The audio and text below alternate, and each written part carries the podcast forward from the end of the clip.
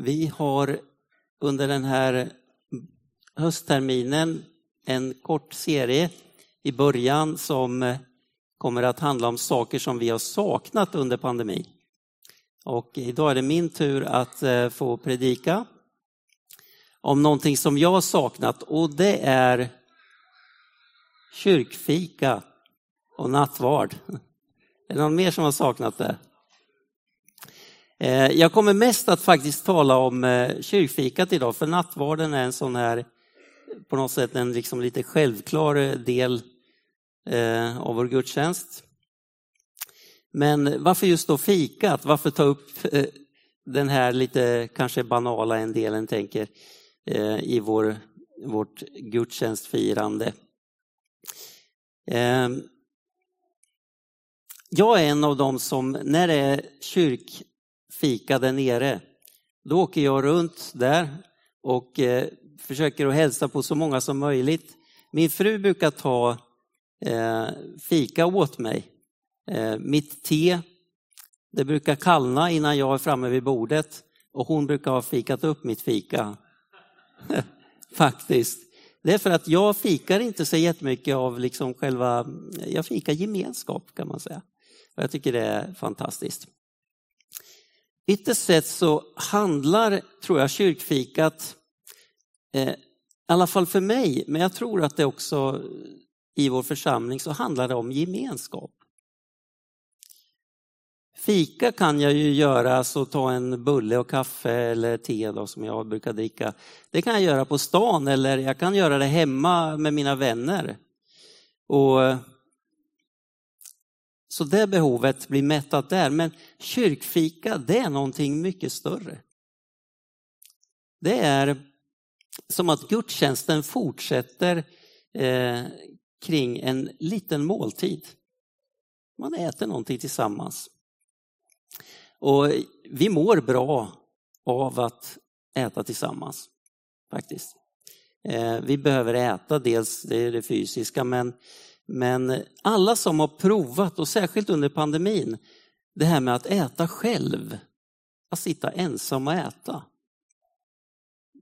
Nej, det smakar ju mycket godare när man är några stycken, eller hur? Eh, att äta tillsammans med flera andra. Just måltiden är viktig och det är något vi kan se genom hela Bibeln. Och jag ska läsa ett bibelord ifrån Första Mosebok här, kapitel 18. 1 till 8. Det här är förutom en av, förresten en av mina favorittexter i, i Bibeln. Jag älskar Abraham, jag tycker han är så god. Han, möter, han är ju inte perfekt på något sätt, inte därför. Men han, han har sån skön gemenskap med Gud. Och Gud han, liksom, han får möta Gud sådär personligt, jag tycker det är så bra. Här står det, Herren uppenbarade sig för Abraham vid Mamres terebintlund där han satt vid ingången till sitt tält när dagen var som hetast. Han såg upp och se tre män stod framför honom. Då han fick syn på dem skyndade han sig emot dem från tältöppningen och bugade sig till jorden och sa Herre, om jag har funnit nåd för dina ögon så gå inte förbi din tjänare. Låt mig hämta lite vatten så att ni kan tvätta era fötter och vila er under trädet. Jag ska också hämta ett stycke bröd så att ni kan styrka er innan ni går vidare när ni har tagit vägen förbi er tjänare. De sa, gör som du har sagt. Abraham skyndade sig in i tältet till Sara och sa, skynda dig, ta tre semåt fint mjöl, knåda det och baka brödkakor. Själv sprang Abraham bort till boskapen och tog en späd och fin ungkalv och gav den åt sin tjänare, som skyndade sig att tillreda den. Sedan tog han gräddmjölk, söt mjölk och kalven han låtit tillreda och satte fram det åt dem. Och han stod hos dem under trädet medan de åt. Varför gör Abraham det här? Att baka bröd och slakta en ungkalv och tillaga den, det kan ju inte varit någon snabbmat precis, eller hur? Det tog nog ett antal timmar att fixa det här. Och eh, man skulle kunna fråga sig, jag menar, kan det vara så att Gud och hans två änglar som kom och besökte där, kan de ha varit hungriga? Nej, jag tror, inte, e, nej, jag tror egentligen inte att det handlar om det. Utan det här är ju något som visar Abrahams gästfrihet och det var faktiskt viktigt i den kulturen, en stor del av den kulturen att visa. Genom hela Bibeln så kan vi se att måltiden har varit en viktig, viktig del. När Mose får ta emot eh, Guds bud uppe på berget så, så kan vi läsa om ett tillfälle när, när Gud kallar upp några av de äldste, några av de viktiga ledarna i Israels folk upp på berget för att faktiskt få äta en måltid med Herren. Och Det står till och med att de fick se Herren i, ja, i den form de nu lyckades kunna se Gud. Men de fick alltså skåda Guds härlighet och de fick äta tillsammans med Gud. Jag vet inte exakt hur det gick till men Gud ordnade en måltid för dem. Och, eh, påsken, det som egentligen hände innan, men det här med att de lämnade Egypten, det också firas ju med en måltid. Man äter en påskmåltid. Jesus firade påskmåltiden. Han firade en måltid med sina lärjungar och instiftade någonting helt nytt. Det som vi kallar för nattvard. Och i det framtida så ser vi fram emot ett himmelskt bröllop med måltid. Det himmelska framtida Lammets bröllop, eh, bröllopsmåltid. Där vi får fira en härlig gemenskap tillsammans med Jesus. Och jag vet inte hur det kommer se ut. Vad kommer man att äta? Hur kommer det att vara? Jag vet inte, men jag ser fram emot det. Det är en måltid ändå det talas om i Bibeln. I Mellanöstern är det ju fortfarande viktigt med, eh, med måltiden. Och eh, jag eh, eh kommer ihåg Per Kalsén som har flyttat hem till Herren alldeles för tidigt. Han berättade för mig, han var ju missionär i Jemen och, och Jordanien. Och han berättade för mig, och eh, ni i familjen får väl rätta mig om jag säger fel här nu, för ni har säkert hört det också. Vid något tillfälle så fick han möta en man som kom till honom och som absolut ville äta tillsammans med honom. Och vad jag kommer ihåg, jag kommer inte ihåg om det var Jemen eller Jordanien, men den här mannen var muslim och det var ju inte så, jag menar, eh, att bli kristen som muslim var ju förbjudet. Men då vill han äta tillsammans med Per, de går på något fik, någonting, äter något väldigt litet, det var inte så mycket de åt, har jag för, har för mig. Och när de har ätit så säger han, du vet att nu har vi ingått förbund, vi är vänner, vi, kan, vi skyddar varandra, vi, vi, vi liksom är förbundna med varandra. Och eh, nu vill jag berätta för dig att jag har blivit kristen, jag tror på Jesus. Eller om det var så att han ville bli frälst. Det här var ju ett sätt för honom att säga till Per att nu Per, när jag berättar för dig att jag är kristen, så kommer inte du att berätta det för någon, eh, avslöja mig och, så att jag får sätta livet till. Men också för Per var det ju ett skydd att inte Per skulle bli avslöjad som missionär. Jag menar, han står ju för den delen av förbundet av den här gemenskapen och vänskapen.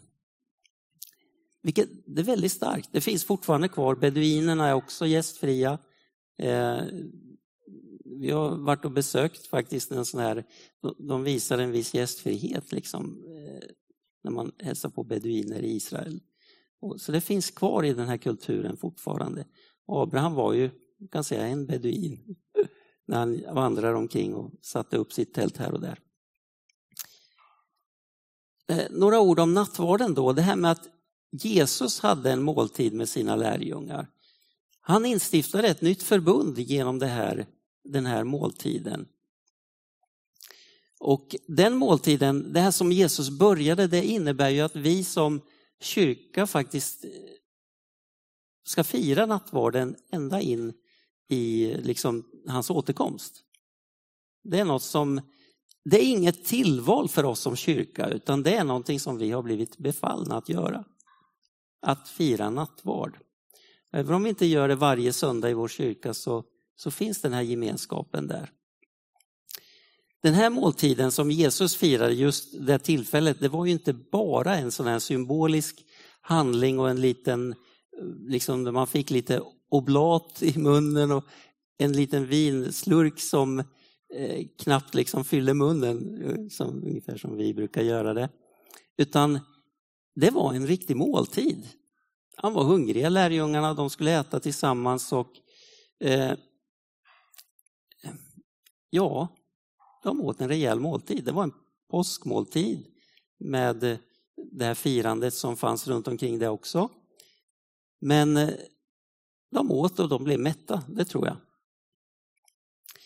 Eh, det var också den här ah, vad säger, nya och andliga innebörd som Jesus tillfogade hela med det som han då, det vi kallar för nattvard, den här Herrens måltid. Jesus han skapar liksom en ny gemenskap genom korset och den här måltiden som vi påminner oss om varje gång när vi firar nattvard. Vi påminner oss om Jesu död på korset. I måltiden så sker det någonting intressant och det läser vi om i Johannes 13 och vers 4 till vers 8. Han reste sig från bordet, la av sig manteln och tog en linneduk och band den om sig. Sen hällde han vatten i ett fat och började tvätta lärjungarnas fötter och torka dem med linneduken som han hade bundit om sig. När han kom till Simon Petrus sa denne till honom, Herre, ska du tvätta mina fötter? Jesus svarade, vad jag gör förstår du inte nu, men längre fram ska du förstå det. Petrus sa, aldrig någonsin ska du tvätta mina fötter. Jesus svarade, om jag inte tvättar dig har du ingen del i mig. Det är intressant att se den här fottvagningen som man ibland kallar det. Det sker under en måltid, den här sista måltiden. Eh, det är nästan som en liten anknytning till Abrahams möte med Herren. Där fötter tvättas äter. Jesus ger oss, han ger oss faktiskt ett exempel som vi ska följa. Eh, vi brukar inte tvätta varandras fötter i, liksom i kyrkan, men, men det handlar om att betjäna andra tror jag. Och också att ta emot eh, att någon får faktiskt betjäna mig. Vi behöver det här. Vår gemenskap vid kyrkfikat där nere, i vår församlingsvåning, det kan vara mycket mer än, mycket mer än bara fika. Vi ska bry oss om varandra. Vi ska vara, betjäna varandra, men också att ta emot den tjänst som andra ger. Jesus han skakar ju om lärjungarnas uppfattning om gemenskapen här när han tvättar deras fötter. Han är den stora ledaren, mästaren och han tvättar fötterna. Men han visar att det handlar inte om status, det handlar inte om positioner, liksom om man är viktig eller oviktig som människa på något sätt i människors ögon eller i samhället. Det handlar om någonting mycket mer. Och Bernt han, han är en stor, stor förebild för mig. Eh, vår eh, förre pastor Eh, Bernt Broberg. Han brukade när han predikar om gemenskap så brukar han alltid säga att gemenskap det innehåller ett litet ord. Ge. Är ni med? Gemenskap, gemenskap. Eh, man tänker på andra och ger. Det är egentligen det enda sättet att få gemenskap. Det är att ge. Abraham han betjänade sina besökare. Jesus tjänade sina lärjungar, betjänade dem. Och vi som församling, vi ska betjäna människor i vår omgivning. Vi ska betjäna varandra. Man skulle kunna säga att vi, vi tjänar inte oss själva. Vi är inte till för oss själva. Det finns alltid en fara att bara se kyrkfika som en onödig grej efter gudstjänsten men kyrkfikat är mycket större än kaffe och bullar. Faktiskt. Mycket större. Jag skulle vilja säga att den visar kvaliteten på vår gemenskap.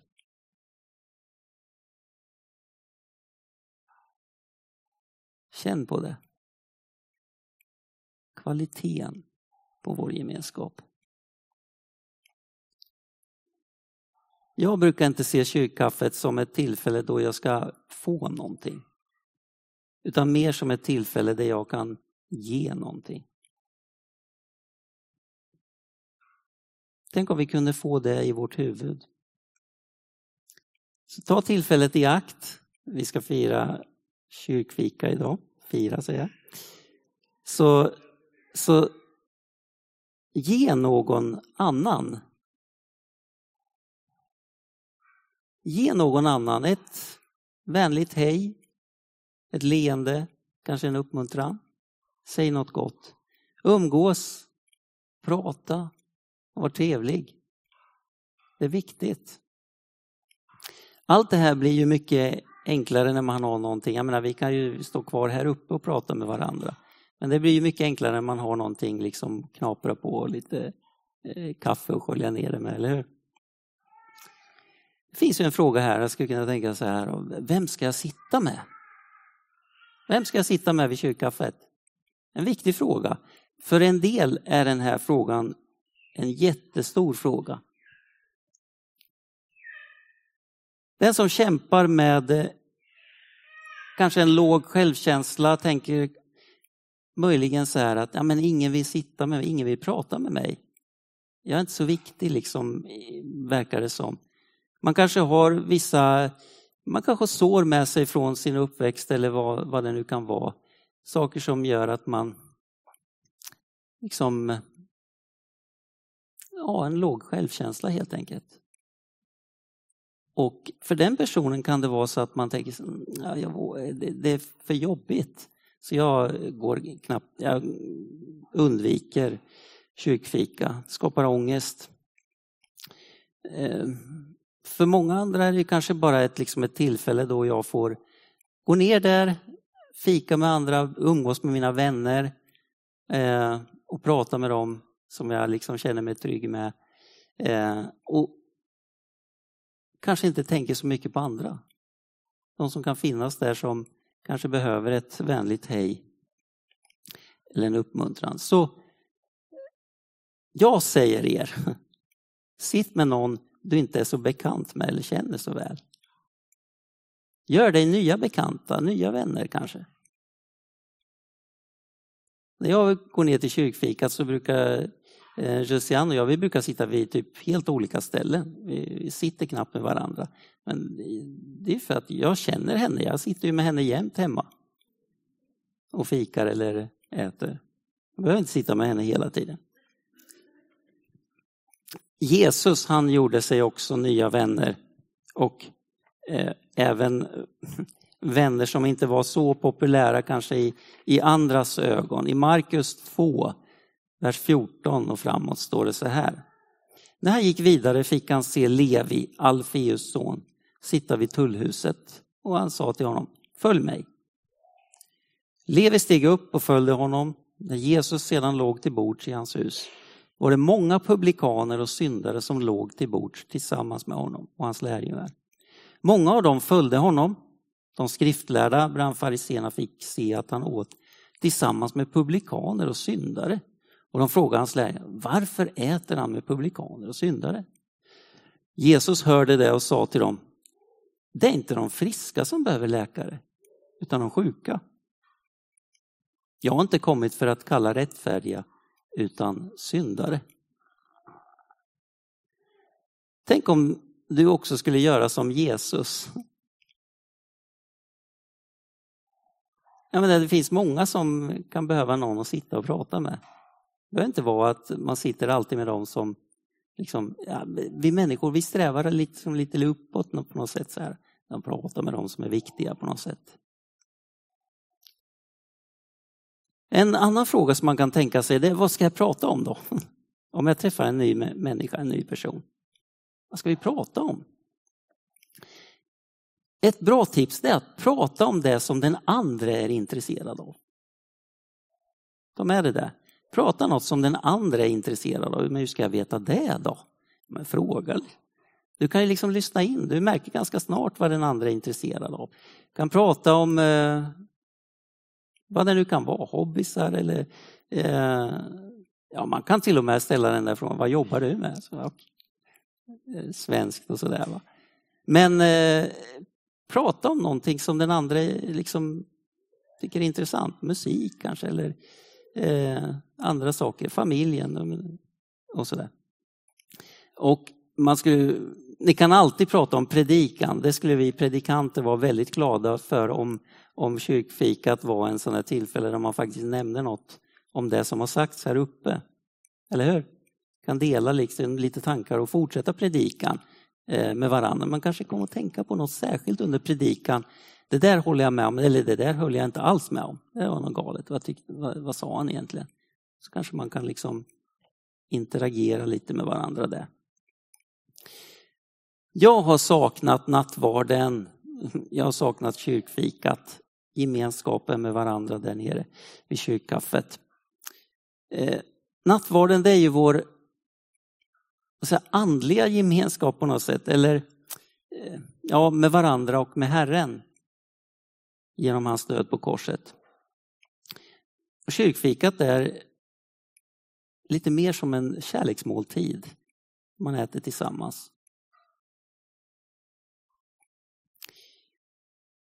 Det är du och jag som bestämmer kvaliteten på, på den måltiden faktiskt, den gemenskapen där nere vid vårt kyrkfika. Det är du och jag som bestämmer temperaturen på den. Tänk nu inte så här, att nu ska jag, nu ska jag mäta gemenskapstemperaturen vid kyrkfikat idag. Då har du missat hela poängen med min predikan. Bidra istället till eh, gemenskapen. Bidra till värmen. Lyft upp den du. Ge. Ge. Det är ett sätt att få den goda, fina gemenskapen. För att avsluta min predikan så vill jag bara säga att vi behöver alla varandra. Även den bäste behöver någon att prata med. Eh, ett tillfälle i Paulus liv, han är ju en stor och aktad apostel, läser vi om i Andra Korinthierbrevet 2, vers 12. När jag kom till Troas för att predika Kristi evangelium hade Herren öppnat en dörr för mig. Ändå fick jag ingen ro i min ande när jag inte fann min broder Titus där. Så jag tog avsked av dem och reste till Makedonien. Intressant. Paulus som är en sån andligt stark och stor person i våra ögon kanske, skrivit stora delar av Nya Testamentet. Han behövde någon att prata med, dela tankar och livet med. Låt oss ta kyrkfikat och våra gudstjänster som ett sådant tillfälle då vi får dela livet. Uppmuntra varandra, stötta varandra, gå med varandra, dela livet. Gud välsigne er. Amen. Herre Jesus, tack att vi får fira, fira Herre, vår gemenskap tillsammans med dig. Och att vi får göra det idag i gudstjänst här uppe och även vid kyrkfikat. Tack att vi får, tack att vi får vara dina vänner du är vår, vår vän, du är vår frälsare. Jesus, välsigna resten av den här dagen och gudstjänsten. Amen.